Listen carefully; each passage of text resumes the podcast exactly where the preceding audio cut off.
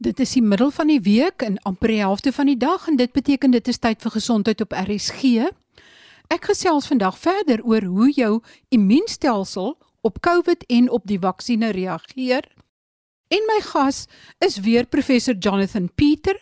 Hy's hoof van kliniese immunologie en allergie aan die Universiteit van Kaapstad se Mediese Skool en Groote Hospitaal en ook verbonde aan die Universiteit van Kaapstad se Longinstituut.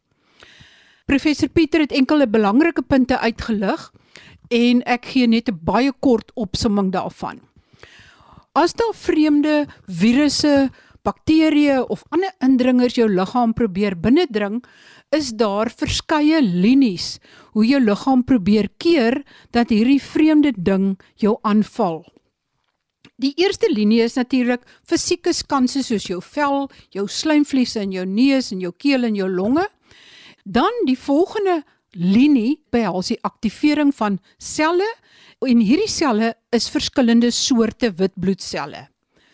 Die selle kan dan opgedeel word in 'n algemene reaksie en in baie spesifieke reaksie. En hieso is basies twee verskillende baie belangrike spesialiseenhede. Die B en T selle is die wat hulle noem die geheue selle. Hulle is baie spesifiek gerig teen 'n spesifieke virus. Gestel jy het die vaksin gekry en hulle word dan geaktiveer. Dan wanneer die werklike virus jou binnendring, is hulle absoluut gereed en sal hulle baie vinnig op daai virus spring. Ek gaan kyk gerus op RSG se webblad rsg.co.za. Daar is baie interessante agtergrondinligting oor inflammasie en die immuunrespons gelaai. Ek sit nou my gesprek voort met professor Johnny Pieter waar ons verlede week afgesluit het is hoekom die immuunrespons na 'n tweede vaksin soms erger is as na die eerste een. Um, yes, it's, it's actually interesting. So there are those reactions. You know, obviously I work in allergy, so I'm at the moment getting everybody that's having some kind of an allergic reaction to the vaccines. And what we're seeing, which is very interesting there, is we're seeing that sort of allergic symptoms, like people, some people are getting a rash after the vaccine, or some people might have a sort of a bit of a tight chest related. And what we're seeing there is that those symptoms are getting better the second time around. And that's because we think that it relates to some of the nanomaterials activating something called complement, which is a, another part of your immune system. And actually, with the second exposure, that those features get less.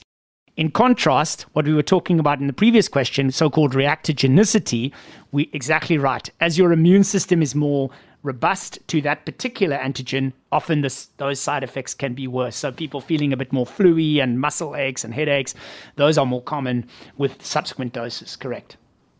As jy sê jy kry uh, allergiese reaksies, is daar mense wat allergiese reaksie teen die entstowwe het? Um, yes, so you know we've been working on our own. We were monitoring this in Sisonke. We've been monitoring this nationally, and certainly it's well known with all vaccines, there is a risk. Some people will have allergic reactions and even severe allergic reactions. However, they are incredibly rare as a percentage of all people. So we expect the rate of, for instance, anaphylaxis to a vaccine to be about one in a million, one in a million doses. With the mRNA vaccines, it appears that it's slightly higher than that, probably three or four per million. So still incredibly, incredibly rare. And then the encouraging data around allergic reactions specific to COVID vaccines is that we have had no deaths related to allergy. All of the responses have actually almost seemed to be self limiting. So, unlike a lot of severe reactions, let's say to a peanut, you know, like a typical food allergy, these reactions have seemed to be easily controlled with medicines in vaccine centers. Many people have gone home, they haven't even need to be admitted to hospital. We're also seeing some people with quite mild, what we call urticarial rashes. So those are sort of like wheals. And we're seeing that a few days after the vaccine. And again, almost all of them can respond fine to a bit of antihistamine. And after a week, we're seeing them go away. And those ones too are getting better with the second doses. So we're encouraging people with those kinds of reactions to definitely get their second dose. Jy het nou net gepraat van nanopartikels en dit is natuurlik ook iets wat mense se hare laat rys en dink dit is iets vreemd wat nou in jou liggaam inkom. I mean, I think this is a general concern, and I don't think that the public should be faulted for this in a way, right? In the sense that whenever there are, you know, new scientific developments, things that we are, are getting to know, it's right to be concerned. And I think to be worried, there's nothing wrong with being concerned and making sure that something like a vaccine is safe, right? You're 100% correct. When people have heard the terms about nanoparticles, nanomaterials, these things, they've been very alarmed. My view on this, having worked at a kind of a center in the UK, in Oxford, when I was doing my training, I worked in a vaccine center there, working on these kinds of materials. One thing that I think it's important to say is that most of these technologies, they don't just arise out of nothing. Scientists and researchers have been working on these technologies to optimize them from the early stages where they just look at it in a few cells in a laboratory through animal studies to get to the point where we are now, where we're in a position where we can use this kind of technology to make us safe from infections through vaccines. These technologies, they might appear new to the average person who's not familiar with this, but to people in the scientific field, these vaccine technologies are being developed and honed over decades. And in fact, what's interesting about SARS CoV 2 is, in some extent, we were quite lucky because some of this had been worked on for the SARS CoV 1 and also the MERS CoV viruses. That actually, because they were, ironically, because they were so severe, they did not spread sufficiently to cause a problem and then they disappeared and but the vaccine technology that we had been working on as a scientific community was still there right? And the same the mRNA technologies for vaccines are not new. They've been trying to hone them for different infections for several decades. And so it looks new. Some of this stuff has a long background to it. And then the other thing that i think we must say which is in a way an incredible thing for the field of science and for the field of vaccinology is that in the space of like, what are we, eight, 12 months, we've now vaccinated 4 billion people. More than 4 billion people on the planet have received it. And there has been no other vaccines in history that have had such good tests in humans. And what we're seeing has been overwhelmingly encouraging. In fact, yes, we can get adverse events to vaccines, but it's been so incredibly safe. And that's what I think, to me, is absolutely remarkable. For the future, we actually have to, as we grow and as the planet gets more populated, we will face further viral pandemic threats like this, undoubtedly. And so it's important for us to have the tools and technologies that will allow for us next time to develop a vaccine even faster. And some of this mRNA technology is incredibly powerful in that, in the sense that once you've got a safe vector. In other words, your nanomaterials are safe, and you've proved it. And we've now looked at this in 4 billion people. It's incredible. Once you've got that, you can actually quite easily and quickly make it for new variants that might emerge, for new infections and new viruses. I think that it's 100% correct for people to be concerned and to ask questions and to really make sure that as a scientific and as a research community, we are ethically looking and making sure that this is absolute safety. But I think we also need to be really encouraged and people need to be aware that people around the world in health and vaccines are doing their absolute best and have been doing it for decades to try and get us to the position where we've been able to do this. So I think that the public also needs to understand both sides of the coin. Is daar reeds plekke of dink jy dit sal in die toekoms nog verder gebeur dat mens soos jy dat hierdie vaksines eintlik jou eie immuunrespons uitlok? dat dit van toepassing kan wees op die behandeling van ander tipe siektes. Nie net die virus nie, maar miskien sê maar in onkologie, kankerbehandeling of ek dink byvoorbeeld aan die inspuitings wat hulle deesdae kan gee as jy gevorderde melanoom het. Is dit nie dieselfde tipe beginsel wat hulle toepas nie?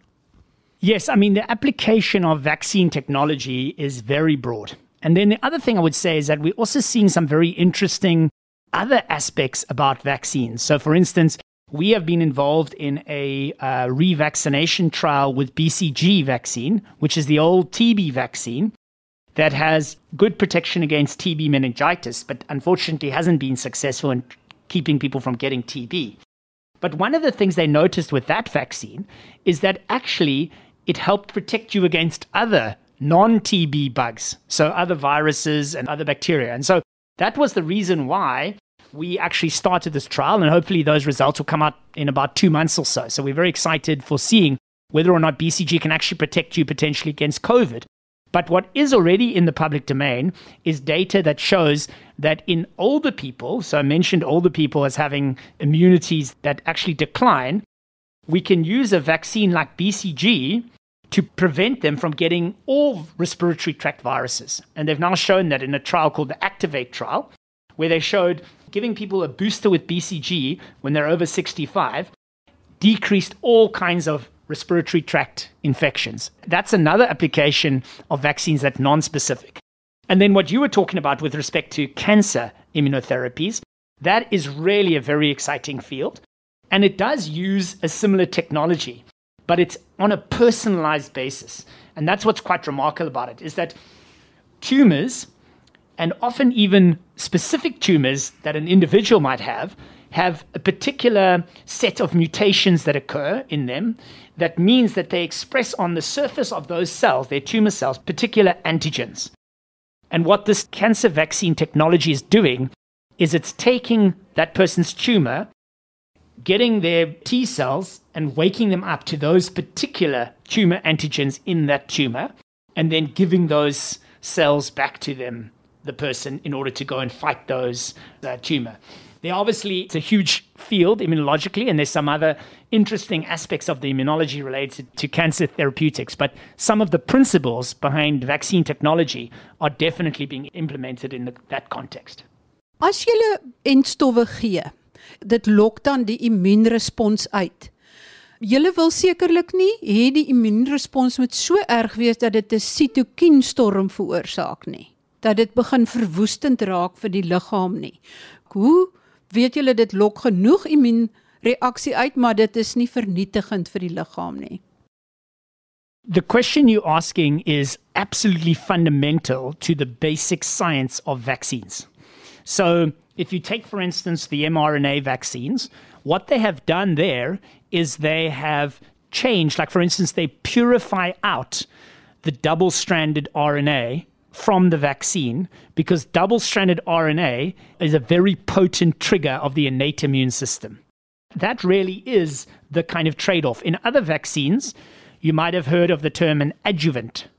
And an adjuvant is something that they add to a vaccine to make it more immunogenic to make the immune system wake up more. So essentially, designing a vaccine is exactly that it's a trade off between trying to wake up the immune system enough to make a robust enough response that your protection stays sufficiently long and doesn't just disappear in the first month, and not waking up the immune system too much to cause people to have side effects of having a very activated immune system or any tissue damage from an activated immune system. So, so really, like all vaccine platforms, whether it's you know you've taken a whole virus and inactivated it and try to give it to someone, or whether you've taken a particular spike protein or receptor binding domain protein and tried to only give somebody the genetic material of that or package it into a, another kind of virus or something like that.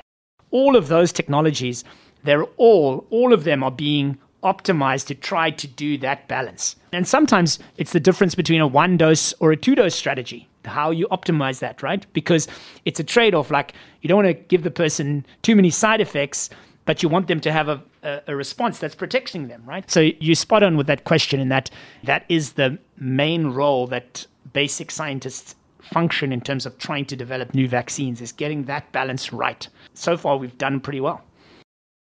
Professor Peter, mens sien dikwels of mens hoor dikwels dat daar in een gesin, sê maar 'n ouma en 'n oupa en 'n dogter is wat sterf. Binne 3 weke is daar 3 mense in een gesin dood. Is daar enigsins sprake van 'n genetiese faktor wat betrokke is? Yes, so I mean, we definitely have unfortunately heard of those tragic scenarios where several members of a family are deceased from SARS CoV. And there is data that's emerging on genetic risk factors for more severe disease. There's been some lovely publications which have highlighted that uh, problems with the type 1 interferon responses. So, again, to go back to the innate immune system and those early, like your respiratory epithelium, your respiratory tract, and then also those signaling molecules that are released very early from your epithelial cells and from your innate immune cells, those little signaling molecules are critical in waking up an early response. SARS CoV has got a lot of strategies to try and get around that immune thing and, and allow it to get hold of your body before it sounds those signals. And so, what we've seen is that some people with genetic problems in that pathway are more at risk for severe disease. And then interestingly, we've also found that some people make like an what's called an autoantibody. In fact, they sort of make, you know, in the context of autoimmune disease, so almost like an overactive immune system. And some people make autoantibodies to those little interferon molecules, and that puts them at risk for more severe single infections. And then we are on a sort of population level also seeing some hits in terms of the kind of different parts of the immune system that probably make people a little bit more susceptible. So undoubtedly and and unfortunately that science just hasn't moved quick enough to get implemented readily. That's what we hope is that we can get to the stage where we could say okay you might be 30 but because of your genetics you're more at risk for severe disease. Unfortunately we just haven't got fast enough to that. But it doesn't mean that the science isn't emerging. That definitely we are seeing that there are certain genetic risk factors related to immunology that put you at higher risk for for severe disease. Yeah. Sal mense met auto-immuunsiektes 'n hoër risiko hê om sleg te vaar met COVID? That's a very good question. And I think that what's complicated about teasing that apart is often autoimmune disease gives you damage to your organs. So it can give you like cardiovascular disease with kidney problems or with heart problems. And those risk factors we know put you into a higher risk group. And then the other thing is that we give patients with those autoimmune diseases immune suppressing drugs. Do you know what I mean? So some of the immune suppressing drugs we give blanketly target across several of your cellular or antibody responses. And we know that those people don't make adequate vaccine responses and they don't fight infections as well as the next people. So, yes, several of those groups, unfortunately, do fall into a higher risk category for more severe disease. That's very topical at the moment in the context of many high income countries where they are discussing, at the moment, they're discussing it in the CDC about giving extra doses of vaccine to immunocompromised people. And that's the reason for that is the underlying problems with the immune system. And I guess it, it's also an ethical debate because should they be getting high income when there's several people that have never got one vaccine yet? but you're 100% correct in terms of risk for severe disease, but it's not quite a simple uh, answer. Engeland het al heelwat mense ingeënt, groot persentasie. En hulle het nou weer alles oopgestel. Mense kon na Wimbledon toe gaan, hulle kan na die sokker toe gaan. Verwag mens dat COVID weer sal toeneem, maar mense hoop dat die sterfte syfer en hospitalisasie sal binne perke bly. Is daar al tekens dat dit so is of is dit nog te vroeg om te sê? I think for South Africa, it's too early to say. I mean, we've only just got our vaccine program really rolling. Uh, you know, we've just crossed the 9 million mark. And so I think it's for us, like the third wave, we're not seeing that. You know, we still had really been, the health systems have really been swamped and overloaded uh, to the point of breaking with the burden of hospitalizations. But I do think that, you know, you mentioned the UK. I do think that the UK are seeing that. They are seeing now an outbreak and expanding case numbers of Delta, but that's not matched by expanding numbers of hospitalizations. And so I do think that there is a level of immunity, a level of vaccination, which will allow you to more confidently start opening up and resuming activities. I think what we have to, I guess, be prepared for is the fact that it, it might be up and down. We might continue to see outbreaks. And also, the other thing is, you know, a lot of people in COVID, to me, have made generalizations. We've wanted to generalize. You know, we want to quickly understand how it's going to be for us. And I think that one of the problems has been that actually uh, being a sort of outbreak disease, it's often been on different time courses. The natures of the epidemic and the natures of the outbreak have been different in different countries. And so people are trying to do their best to get that balance right. And I do think it will improve as we get to the point where we've got sufficient vaccine coverage. We do have some degree of immunity. But I think it might be a situation where, you know, we open up for a while and then we might see an outbreak in a particular area and need to contract in the area and take care again. And I think that might go on for some years. And I think, uh, I guess we have to get used to that. Hoe sien jy die toekoms? Wat dink jy gaan gebeur in die volgende jaar, 2, 3 jaar wat betref COVID en corona SARS COVID-2? Again, as a disclaimer for an expert, they say that experts are terrible at predicting the future because a lot of the time the technologies and things that actually change the future you're not even aware of that come from another field. But I think I would have to say at this point that I agree with uh, some aspects of what Shabir Madhi's been talking about, and and I saw recently yesterday an article from from Andy Pollard, who heads up the vaccine committee in the UK, and essentially along the lines of saying that the herd immunity horse has bolted, in the sense that that's no longer an option for us, and that we are likely to continue to see outbreaks of SARS-CoV across the globe.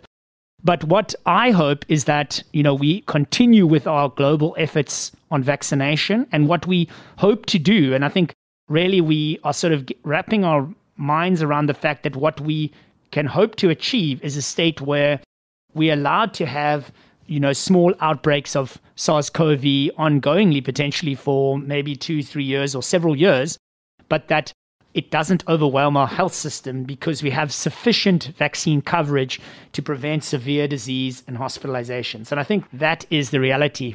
I guess one other aspect that a lot of people have really bulked against you know masks and the social implications of the pandemic and i think those have really been vast and we're experiencing you know mental health pandemics and all other uh, negative consequences but i must say from an immunology perspective I saw some data reported about influenza season and the fact that if you look at influenza cases over the last couple of years, you'll see that in the last like year or in this year, where did the influenza go? I also read a, a lovely tweet from a Japanese researcher that said that in their culture, it's routine community respect when you are sick or when you are having a thing or if your child is sick to wear a mask to wear a mask in public and to wear a mask at school. And I think, like, I hope that we can sort of in our minds come to terms with that. That's actually, you know, caring for everyone in the context of making sure that we don't unnecessarily spread infectious diseases. That will potentially be maybe a positive that could come out of it. In the same way, I've tried to focus you on the positives of immunology and the positives of vaccines, which I think there are a lot in the context of SARS CoV 2. I think we should keep that in mind as well for the future. Net jou finale boodskap in een sin. Wat wil jy hê die luisteraar moet onthou as hy net een ding moet onthou? The sort of take home message for me is that our immune systems are great. uh, we, we mustn't forget that our immune systems protect us from invading pathogens and viruses all the time. I run a clinic where I look after people whose immune systems don't work so well and they are riddled and really debilitated and often lead to death from bad infections. So I think that although we're seeing this terrible uh, infection cross the planet, I think we must be awed and wondered and amazed by the fact that for the most part, our immune systems are working. In, in addition, I think the similarly, our scientific communities are doing everything they can and have in record time produced vaccines which are helping our immune system even in those people that are not seeing infections to save their life and keep them out of hospital. And so I think like my overwhelming message for listeners is despite what you hear and there's a lot of negativity to, you know, really sort of embrace like how amazing our human immune system is and how our science has really got us to the point where we can do such a lot in such a short space of time. So it is a tough time with the infection, but I think like I love the immune system, I guess. Baie dankie aan professor Jonathan Pieter, hoof van kliniese immunologie en allergie aan die Universiteit van Kaapstad se Mediese Skool en die Groote Skuur Hospitaal en verbonde aan die Long Instituut van die universiteit.